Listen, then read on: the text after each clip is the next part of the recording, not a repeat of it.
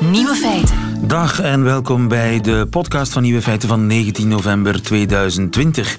In het nieuws vandaag dat studenten nog altijd mogen vrijen. Althans, volgens een folder van het St. Olaf College in de Verenigde Staten. Die school heeft een flyer verspreid onder haar studenten met tips voor een coronaveilig seksleven. Ik noem er een paar. Handen wassen voor en na. Seksspeeltjes ontsmetten voor en na. Mondmasker dragen voor en na. Dat is allemaal voor en na, maar over tijden staat er niet zoveel. Behalve dan dit. Niet kussen. Tja, jong zijn in 2020, het is me wat. De andere nieuwe feiten vandaag. Het roemruchte tv-interview met prinses Diana 25 jaar geleden. De BBC onderzoekt of de interviewer destijds de prinses heeft misleid. Onze hersenen hebben een xenofiel onderdeel. Binnenkort eten we allemaal eendekroos, pardon, waterlinzen.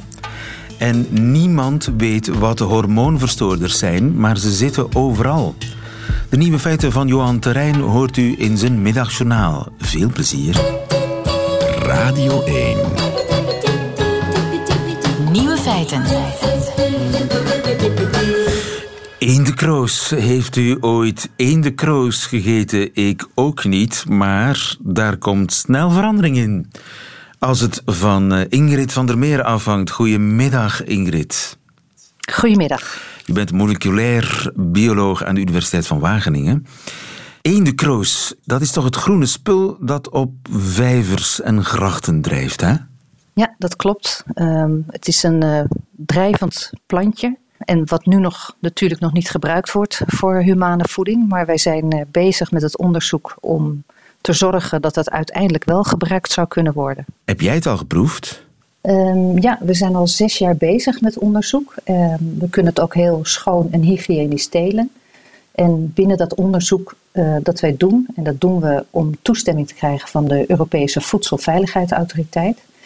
Uh, binnen dat onderzoek zit ook dat we ja, uh, het aan proefpersonen, aan vrijwilligers gegeven hebben om te kijken of het goed te verteren is. Maar we hebben ook er gerechten meegemaakt, ook binnen het onderzoek. En ik heb het zelf ook gegeten. En ja. is het lekker? Ja, het heeft niet een hele specifieke smaak, uh, zoals spinazie, maar het is wel een soort bladgroente. Wij gebruiken het ook echt vers in gerechten waar je anders spinazie bijvoorbeeld in zou doen.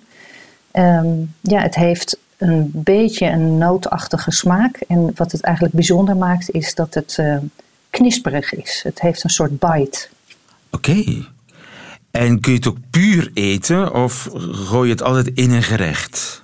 Nee, ik heb het ook puur gegeten als een soort sla, uh, verse sla. Maar dan, ja, net zoals sla maak je het natuurlijk wel een beetje aan met wat uh, olie en azijn, ja. et cetera. Maar je kan het gewoon puur eten, ja. Maar waarom zou ik dat eten in de kroos? Ja, dus laat duidelijk zijn dat we het nu nog niet kunnen eten. Dus eerst is die toestemming nodig op Europees niveau. En daarvoor moet een heel dossier ingediend worden. Dat hebben we gedaan in Wageningen. Um, waarom zouden we het eten? Omdat we meer toe moeten naar wat meer plantaardige eiwitbronnen. En eendekroos zit vol met eiwit op droog gewicht.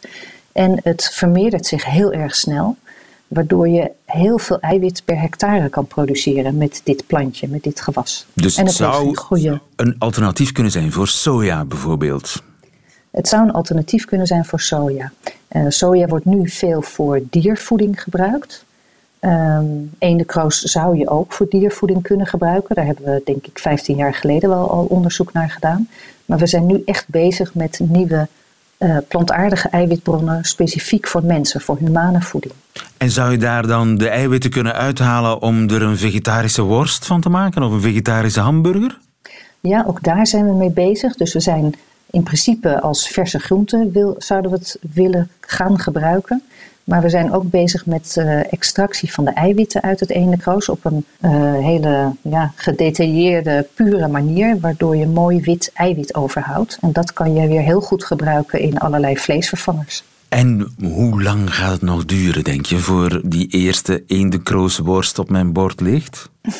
De eendekroosworst denk ik dat misschien nog wat langer duurt, maar het eendekroos als groente, waterlinzen noemen we trouwens dan, uh, dat verwacht ik dat de goedkeuring van de Europese Voedselveiligheidsautoriteit, dat dat over zo'n acht maanden tot een jaar zal zijn. En dan kan het meteen de, op de markt komen. Want dat soort onderzoek, daar zijn we ook al mee bezig. Met hoe je het dan moet bewaren. Waterlinzen, dat klinkt al wat beter hè, dan eendekroos. Ja, het is een, uh, niet een zelf verzonnen naam. Het is een naam die je in oude literatuur, uh, Duitse uh, literatuur, maar ook in de Oud-Hollandse boeken uit 1644 vinden we de naam waterlinzen al.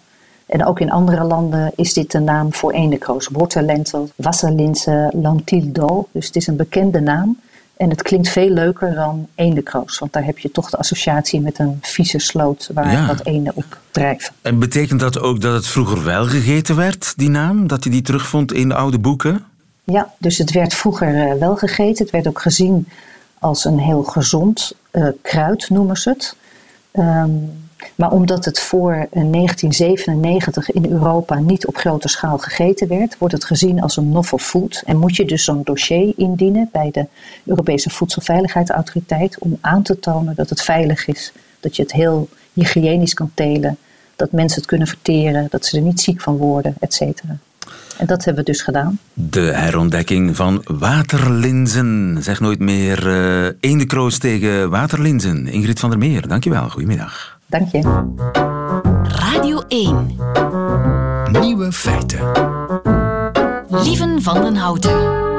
Ze zijn overal en we kennen ze niet. En misschien zijn ze niet ongevaarlijk. Ik heb het over hormoonverstoorders. Jan Tietgat, goedemiddag.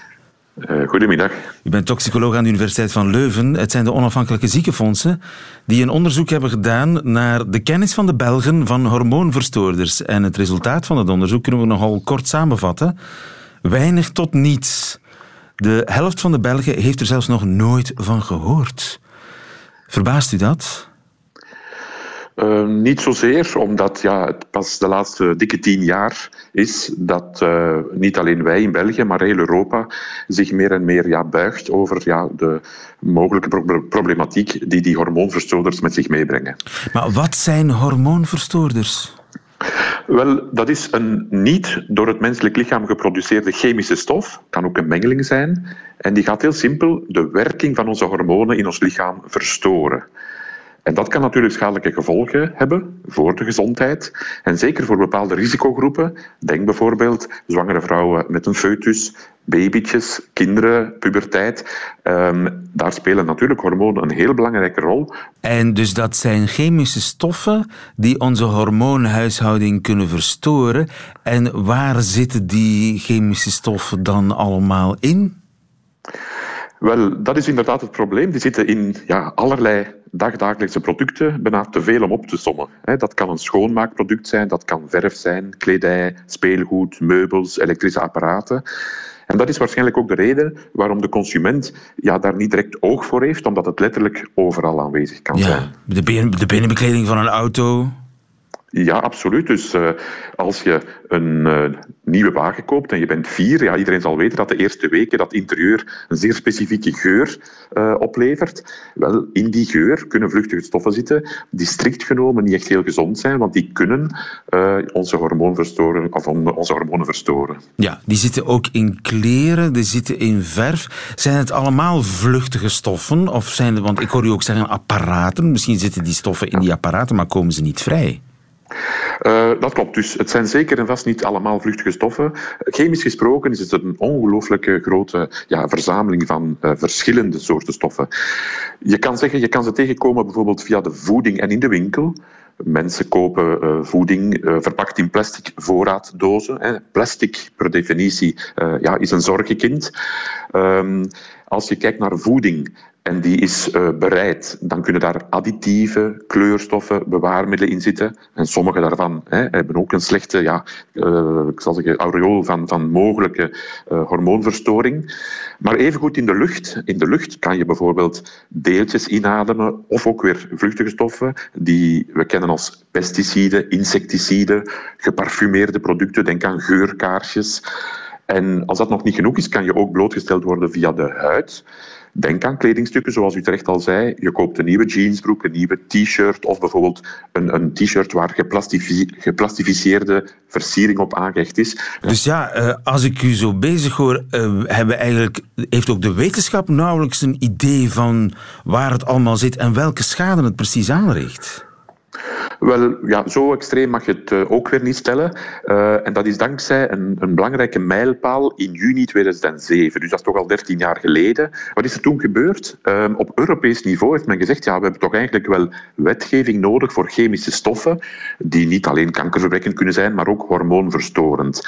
En dan is er een wetgeving tot stand gekomen die we REACH noemen. En REACH staat voor registratie, evaluatie, autorisatie en restrictie van chemicaliën. En dus iedereen nu als producent of importeur die een eindproduct of ergens een bulkproduct wil eigenlijk slijten in ons land, in Europa, moet effectief kunnen aantonen dat die stof in kwestie geen hormoon, hormoonverstorend effect teweeg brengt. Voor 2007 was dat niet zo. Dus je kan toch wel zeggen dat nu al 13 jaar lang er ja, moeite gedaan is, zowel qua wetgeving als ook qua wetenschappelijke inzichten, um, naar de mogelijke gevaren van deze stoffen en dat de consument daar toch een zekere bescherming door geniet. Ja, maar echt uh, de dood ga je er niet aan? Nee, um, en dat is misschien ook wel een beetje het probleem van dus de herkenbaarheid van die hormoonverstoorders en ook de noodzaak om inderdaad een breed publiek te sensibiliseren. Um, je valt er niet acuut dood van. De effecten zijn soms uiteraard ja, uh, pas heel, heel laat te zien, eventueel in een volgende generatie. En een hormoonverstoring in, in, tegenstelling tot bijvoorbeeld een ander geneesmiddel dat op één plaats werkt in je lichaam. Uh, denk bijvoorbeeld aan een virusremmer tijdens deze pandemie. Um, bij hormoonverstorende stoffen is het, is het probleem dat die overal in het lichaam kunnen uh, ja, een effect uitlokken, omdat hormonen nu eenmaal ja, boodschappers zijn in ons lichaam voor verschillende organen. Dus die herkenbaarheid van wat er eventueel misloopt, is ook niet altijd simpel om direct op te merken. Ja, het is een beetje een, een sluipend gif als ik het uh, zo hoor. Is er iets wat ik kan doen om uh, mijn blootstelling ja, te verminderen. Ik hoor je zeggen, het zit in nieuwe kleren. Moet, wat moet, ja. kan, ik kan toch moeilijk stoppen met nieuwe kleren kopen? Uh, nee, maar je kan toch effectief wel al een aantal basisprincipes in acht nemen wat betreft kledij. En dan praten we over blootstelling via de huid. Was die op voorhand? Hè? Je koopt een nieuw kledingstuk, uh, was die en begin ze daarna pas te dragen. Wat uh, voeding betreft, heel belangrijk, probeer zoveel mogelijk eenvoudige producten te selecteren. Dus verse, lokale producten die zo min mogelijk bewerkt geweest zijn met bewaarmiddelen, kleurstoffen, pesticiden. Um, schil en was absoluut je groente en fruit. Dat is ook al een, een simpele raad. En als je dan toch uh, plastic verpakte waren, zeker ook weer in deze pandemie. Hè. Je hebt dan thuisbezorging van eten of, of mensen zijn bezorgd dat het allemaal moet verpakt zijn. Ja, dan zitten we daar natuurlijk meer dan ooit geconfronteerd met weer al die plastic dozen. Als je dat dan toch gebruikt, um, gebruik dat zeker niet in een microgolfoven. Aha. Want daar is toch aangetoond dat ja, de energie die een microgolfoven gebruikt om je uh, voedsel warm te maken, dat door die energie ook uit die plastic materialen stoffen kunnen vrijkomen die wel degelijk hormoonverstorend zijn. Hormoonverstorend zijn. En we weten niet helemaal precies hoe groot die gevolgen zijn. En, maar ja, als je dat stelselmatig doet, zal dat hoe dan ook uh, kwaad aanrichten. Nee, we moeten echt geen paniekvoetbal uh, uh, uitoefenen. Waarom? Als je, als je ja, te veel aan de alarmbel trekt uh, en zegt ja, alles wat scheikundig is en, en wat je dus kan tegenkomen in de voeding, kleding enzovoorts, ja, daar ga je absoluut je hormonenbalans mee verstoren. Dat is voor mij ook een beetje kort door de bocht. Er zijn met andere woorden bepaalde stoffen die effectief, ja, waar het licht op rood staat, Denk aan bisphenol A, octylfenol of producten die in verven en kunststoffen voorkomen. Die zijn nu echt al verboden. Dus ja, dan ga je beter op zoek naar stoffen die dat niet bevatten. Maar nogmaals, in dat REACH-wetgevend ja. kader is dat al een feit. De recente producten um, en, zouden die hele gevaarlijke stoffen al niet meer mogen hebben. Ja, Inderdaad. En voor andere stoffen zijn er wetenschappers die misschien al wat sneller aan de alarmbel trekken dan, dan bijvoorbeeld ikzelf, omdat zij dan ja, zeggen, kijk, op basis van in vitro toxicologische testen, zoals dat heet, of dierenproeven, is toch wel aangetoond dat het hormoonverstorend werkt. Maar dan zeg ik, ja, Dat wil niet zeggen dat u en ik als mens um, hetzelfde lot ondergaan, omdat eventueel het risico van blootstelling eigenlijk minimaal is tegenover die labo-experimenten. En dus dan moet je dat ook allemaal toch wel in een zekere nuancerend perspectief durven zetten. Kan ik een papfles voor een babytje zonder angst in de microgolfoven zetten? Um, ja, maar daar is een aanbeveling dat als die papfles pas nieuw is, om die bijvoorbeeld eens een paar keer te koken, net zoals je je aardappelen kookt, en dan dat waswater weggooien en pas na vijf keer koken die splinternieuwe papfles te gebruiken, omdat je die bijvoorbeeld ook als plastic materiaal in een microgolfoven toch gaat uh, vaak uh, zetten. Professor Tietgaat, dankjewel. Goedemiddag. Graag gedaan. Lieven van den Houten. Nieuwe feiten. De BBC die gaat uh, onderzoeken of een van hun best bekeken programma's ooit wel had mogen plaatsvinden, wel had mogen uitgezonden worden. Namelijk het roemruchte interview 25 jaar geleden met prinses Diana. Een gesprek waar 23 miljoen Britten naar gekeken hebben destijds en waarin de prinses geen vraag uit de weg ging, ook niet over haar toen al gestrande huwelijk met prins Charles. Do you think Mrs. Parker Bowles was a factor in the breakdown of your marriage? Well, there were three of us in this marriage, so it was a bit crowded. Ja, we waren met z'n drieën in dit huwelijk, dus dat was uh, a bit crowded, een beetje veel. Legendarische woorden zijn dat van uh, prinses Diana aan eh, BBC-journalist Martin Bashir. Uitgesproken 25 jaar geleden. Een nooit geziene openhartigheid was dat toen van iemand van de koninklijke familie. De interview is ware tv-geschiedenis en vandaag onderzoekt de BBC of het wel had mogen plaatsvinden. Jo de goedemiddag. Goedemiddag. Uh, volgende week is het 25 jaar geleden, hè, zonder meer, dit legendarische interview. Ja, de krant The Times schreef de dag uh, nadien dat dit interview de aanblik van de monarchie voor altijd veranderd heeft. Um, BBC heeft heel veel legendarische interviews gemaakt, gaande van Richard Nixon tot Salman Rushdie. Maar dit is eentje ja, wat, wat er ingehakt heeft. In, want zij waren op dat moment het bekendste en meest becommentarieerde getrouwde koppel ter wereld. En van heel veel van die details was men al op de hoogte. Maar dit was voor het eerst dat een, een hoogstaand, een senior member van de Royal Family, namelijk uh, Diana zelf, daar zulke expliciete uitspraken over deed. Ja, en ze vertelde alles. Hè? Alle vragen waren welkom. Deze bijvoorbeeld was uh, heel belangrijk. Do you think you'll ever be queen? No, I don't. No. I don't think many people would want me to be queen. Actually, when I say many people, I mean the establishment that I'm married into. The establishment that I'm married into uh, wil niet dat ik koningin word. Dus de koninklijke familie zelf. Eigenlijk zegt ze, de huidige queen wil niet dat ik ooit queen word. Nee, want ze was uh, toen al, vond men haar een zeer ongeleid projectiel.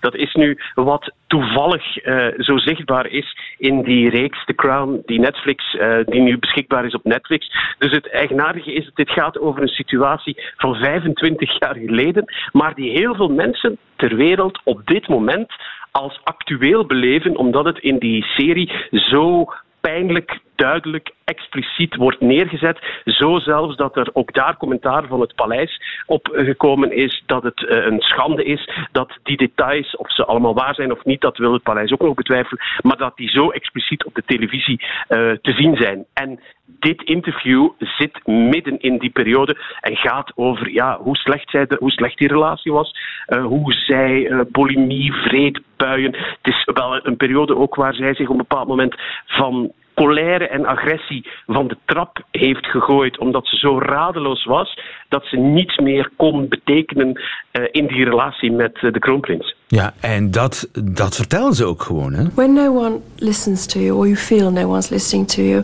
all sorts of things start to happen. For instance, you have so much pain inside yourself that you try and hurt yourself on the outside because you want help. So, I, uh, yes, I did inflict upon myself I didn't like myself. I was ashamed that I couldn't cope with the pressures. Wat wou ze daarmee bereiken met die nooit eerder geziene openhartigheid en dat werkelijk ja, jezelf blootgeven, alle genante details laten zien? Ja, dat is het, het media-equivalent van je van een trap gooien. Dit is uh, pijn en wraak en iets berokkenen aan die establishment, dus aan de koninklijke familie. En de media en het publiek maken van die details, dat is altijd haar belangrijkste, belangrijkste wapen geweest. Dus dat is wat ze daarmee wou. Of ze dat helemaal wou en of ze dat 100% wou, dat is nu wat de kwestie is. Want er zijn een aantal documenten naar boven gekomen die de interviewer die je daarnet gehoord hebt, dat is Martin Bashir, eh, zou vervalst hebben en hij zou haar onder valse voorwendsels, en dat is wat haar broer Charles Spencer nu zegt en waar het onderzoek over gaat, ehm, dingen laten zien hebben waarin zij in dit interview geduwd is. Bijvoorbeeld, uh, hij heeft, die Bashir heeft bankafschriften laten namaken door een, door een grafisch medewerker van de BBC, waarin eh, ze zag dat er bedragen overgeschreven werden op rekening van het paleis, op rekening van haar medewerkers, om haar te bespioneren. Die Bashir heeft gezegd dat haar auto uh, gevolgd werd, dat haar post opengemaakt werd, dat haar telefoon uh, afgeluisterd werd. En die dingen bij elkaar die zouden haar over de rand geduwd hebben en gezegd hebben van oké, ik doe dit interview. Interview met heel zware gevolgen, staatkundige gevolgen, maar ook haar beide zonen, William en, en Harry, waren toen William 11, uh, Harry 9. En William heeft dit op 11-jarige leeftijd in Eton, waar hij zat, met zijn leraar in een aparte kamer moeten bekijken en heeft dat hele interview, 11-jarige, huilend moeten doorstaan. Want dan zie je toch jouw moeder die lelijke dingen vertelt over jouw vader de twee meest bekende en meest bekeken um, mensen ter wereld. En het is gekend dat die twee jongens, Harry en, en William, heel veel last en, en problemen en psychologische ellende meegemaakt hebben. En dat vindt voor een groot stuk de oorsprong in dat zeer publiek maken van die problemen van die beide ouders. Ja, en dus dat interview heeft er ook voor gezorgd dat dat huwelijk definitief afgelopen was. Dat zij eigenlijk uit de familie werd gezet. Hè? Daar kwam het eigenlijk op neer dat heeft het de finale knip gegeven, want, want um, Charles en Diane hebben elkaar in 80 leren kennen. In 81 zijn ze getrouwd. En in 1984, toen waren de twee kinderen al geboren, deelden ze al niet meer uh, de slaapkamer, woonden ze al niet meer samen. Dit is nog tien jaar later en dit heeft de boel heel erg versneld, waardoor ze uit de familie uh, gezet is. En wat ook het tragische wat daar gebeurd is, die uh, establishment was zo kwaad dat ze haar heel gekortwikt hebben in middelen, maar ook in bescherming. En er is toen ook besloten dat zij geen, geen permanente bewaking eh, zou krijgen. En dat heeft uiteindelijk voor ja, lastige, dodelijke gevolgen gezorgd. Toen ze die tunnel is ingereden in Parijs twee jaar later, waar ze niet meer levend uit vandaan is gekomen. Ze was volledig overgeleverd aan, uh, aan de paparazzi, zonder de koninklijke bescherming, zeg maar. Nu, als ik dat allemaal hoor, hoe ze in dat interview is gelokt met leugens. Ja. Mm. ja. dan begrijp ik wel dat de huidige BBC-top een, een, een, groot onderzoek, want het is ook een, een oud-rechter die dat onderzoek gaat leiden. Hè?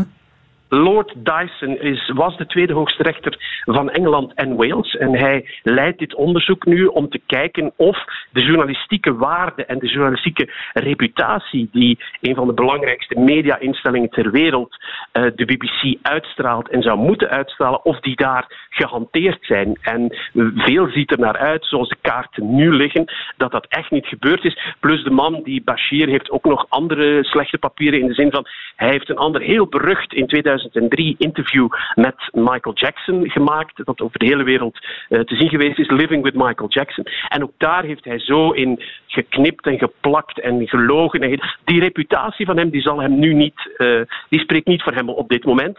Moet ook gezegd, uh, hij is niet in zulke goede toestand.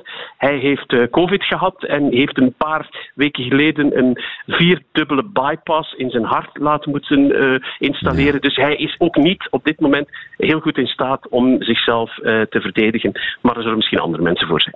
Ja, weer stof voor een hele aflevering in The Crown. Dit. Minstens. Minstens.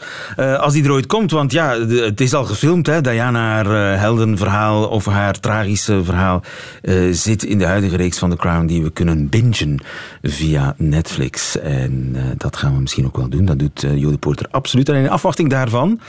Ja, zit er aflevering 4. Aflevering 4, ik ook. Tragisch, hè? Verschrikkelijk.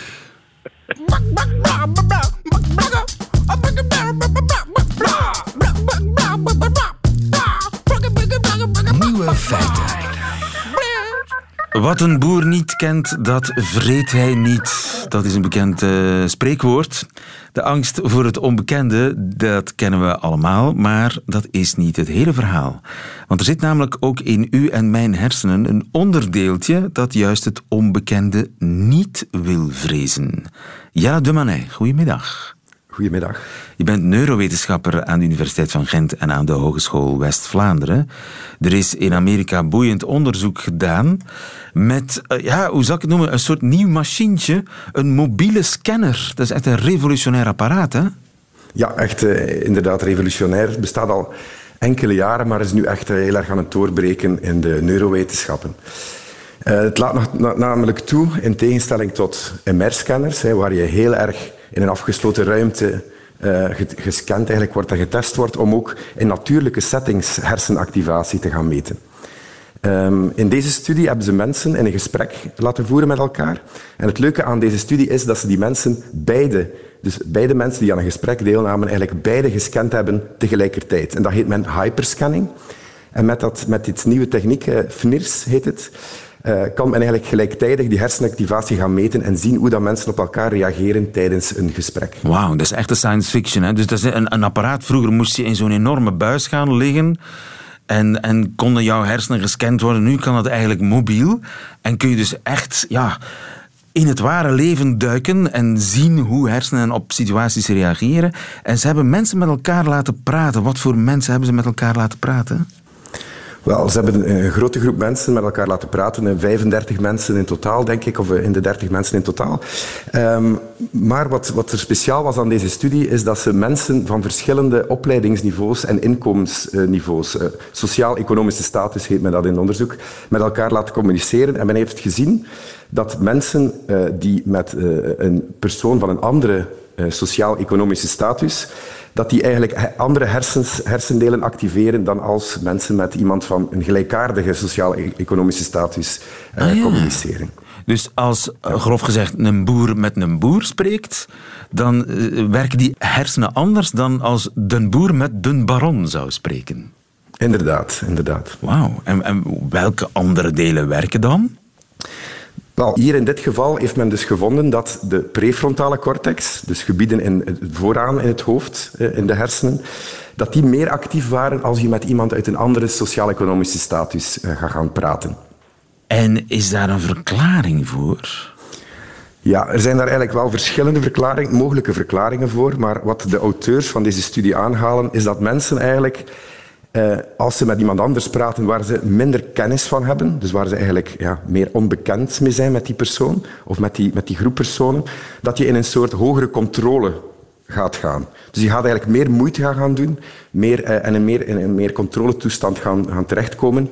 En men denkt dat dat is omdat als je met mensen spreekt, mensen van een andere sociaal-economische status of van een ander ras, of uh, gewoon mensen van een groep dat je, dat je niet, niet goed kent en dus je weet ook niet hoe dat die mensen uh, willen communiceren of communiceren, dat je dan eigenlijk, uh, ja, dat je eigenlijk dan banger bent. Je hebt een gro grotere angst. Ze hebben dat ook aangetoond in deze studie. Naast, nadien hebben ze ook mensen een vragenlijst over anxiety, dus over angst, laten invullen. En men vond dat mensen meer op hun ongemak waren als je communiceert met iemand uit een andere groep. En maar gelukkig laten we ons niet overheersen dus, uh, door die angst. Hè. Dus ons systeem, onze hersenen hebben een systeem om die angst te gaan onderdrukken. Een soort en ervoor te zorgen dat we toch op een deftige, op een deftige manier kunnen, kunnen communiceren met elkaar. Dus eigenlijk gaat dat gebied eigenlijk die angst of die, die, die, die, ongemakkelijkheid gaan, gaan onderdrukken en laat ons toe om ons eigenlijk uh, om op een normale manier met elkaar te communiceren. Juist, ja. Dus dat nieuwe machientje dat heeft laten zien hoe onze hersenen zichzelf eigenlijk corrigeren. Hoe in die, in die prefrontale cortex er een gebiedje actief wordt dat de angst voor de vreemdeling, die dieper in de hersenen zit, dat die angst corrigeert. Ja, inderdaad. En het, het interessante is uh, dat beide systemen, dus we hebben een een systeem die ons toelaat om snel te gaan reageren, die op angst reageert. Hè. Maar zowel ons, uh, ons snelsysteem als ons controlesysteem hebben beiden een evolutionaire betekenis. Dus die zijn belangrijk geweest om te worden als wie dat we nu zijn als mens. Hè. Dat het snelle systeem die ons toelaat om snel te reageren, maar die jammer genoeg ook vatbaar is voor vooroordelen, laat ons toe om zeer snel te reageren. En dat was natuurlijk doorheen de evolutie heel interessant. Want als we iets tegenkwamen wat we niet kenden, was het interessanter om er bang van te zijn. Ja. eh, Dan het risico te lopen dat het iets gevaarlijks was. Dus we zijn Natuurlijk evolutionair zo de geëvolueerd om angst te hebben voor het onbekende. Ja, maar- inderdaad, maar- maar de- evolutionair interessanter was. Juist. Maar er is nog een, dat is niet het hele verhaal. Nee, dus doorheen de evolutie is het natuurlijk interessanter geworden om ons niet in iedere situatie door onze angst te laten leiden. Want anders eh, ben je zeer impulsief eh, natuurlijk bezig en zeer eh, op je, bijna reflexmatig eigenlijk dat, u, dat u reageert. Dus we hebben gaandeweg, en je ziet dat ook doorheen de evolutie, de- doorheen de mensapen en dan naar de mensen, dat onze frontale cortex eigenlijk doorheen de evolutie verder geëvolueerd is. En die frontale cortex heeft ons eigenlijk toegelaten om op onze impulsen te gaan nadenken en een soort ratio te gaan, te gaan uitoefenen op onze impulsen. Dat systeem heeft wel meer tijd nodig en heeft, heeft meer effort nodig, Ja. maar het laat ons toe om toch op een, op een meer rationele manier met onze omgeving om te gaan. Dus laat ons ook toe om die impulsieve reacties die wij soms hebben, Ja. om die eigenlijk op een gecontroleerde manier eh, te gaan corrigeren. Dus we hebben een xenofiel hersendeeltje ergens vooraan in ons hoofd. Dat het xenofoob hersendeeltje achteraan in het gareel houdt. Ja, en beide hebben soms een voordeel, maar eh, die houden elkaar in balans. En dat maakt eh, het net zo interessa- eh, interessant en maakt dat we zeer veel, veelzijdige eh allez, organismen zijn eigenlijk. Hè. Beschaving, zoiets. Nee? Ja, heet dat? beschaving. Dat heet beschaving. Jelle de Manet, dankjewel. Goedemiddag. Graag gedaan, goedemiddag. Dat waren de nieuwe feiten van 19 november 2020. Alleen nog die van Johan Terrein krijgt u in zijn middagjournaal. Nieuwe feiten. Middagjournaal. Beste luisteraar, soms kruipen er in het holst van de nacht zinnetjes uit mijn hoofd. In het donker lijken dat vaak meesterlijk goede zinnetjes, in elk geval de moeite om het nachtlampje aan te knippen en ze te noteren. S'morgens lees ik dan wat de oogst is van die nacht. Vaak begrijpen mijn slaapogen niet meer wat me bezielde het licht aan te knippen en heel af en toe moet ik glimlachen. Dan schrijf ik het over in een boekje en hoop ik dat het later nog eens van pas komt. Als u dat wil, loods ik u even door de oogst van de voorbije week. En als u dat niet wil ook, want ik beslis hier. Dat was bijvoorbeeld het zinnetje dat me deze nacht te binnen schoot. Ik zocht namelijk nog een idee voor dit middagjournaal. Maandagochtend vond ik dit op mijn nachtkastje. Op ieder potje past een dekseltje. Sommigen onder ons zullen dat dekseltje nooit vinden, maar het is er. Deze zin gaat mijn boekje wellicht niet halen. Vermoedelijk was dit het resultaat van een eenzame nacht. Ik las het terug en bedacht mij dat ik puur mathematisch gezien wellicht in China zou moeten gaan zoeken naar een deksel. En daar had ik geen zin in. Dinsdagochtend. Als je even vaak zou knipogen als je dat emoticon gebruikt, gaan mensen denken dat je een tik nerveux hebt. Ik gebruik te veel emoticons de laatste tijd, zeker de knipoog. Die dient om te laten weten dat wat je neerschrijft om te lachen is. Een berichtje wordt al zo gauw verkeerd begrepen. Maar als je dat in het echte leven zou doen, steken mensen je in een dwangbuis. Dus probeer ik nu te minderen. Dat lukt aardig. Knipoog. Woensdag las ik: De eeuwigheid is heel erg lang, zeker tegen het einde aan. Die komt wel nog eens van pas. Ik ben de laatste tijd veel bezig met de dood en wat me opvalt is dat ik op onbewaakte momenten nog altijd verlang naar het einde van de eeuwigheid en dat dat dus niet kan. Maar dat verlangen is te mooi om los te laten. En gisteren nog dit. Als niemand uit de toekomst opdaagt om je tegen te houden, hoe erg kan het dan zijn? Dit zou een levensmotto kunnen zijn. De goesting om dingen uit te proberen heeft me altijd veel verder gebracht dan de angst om te mislukken. Moet u ook maar eens proberen. Nu ik dat allemaal nog eens herlees, kies ik er twee om bij te houden. De rest deel ik uit, aan u bijvoorbeeld, beste luisteraar. Veel plezier ermee.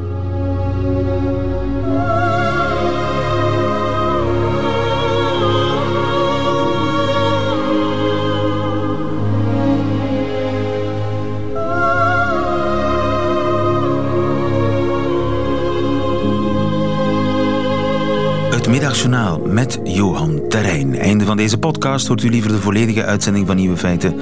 Dat wil zeggen met een muziek erbij. Dat kan natuurlijk ook live elke werkdag tussen 12 en 1.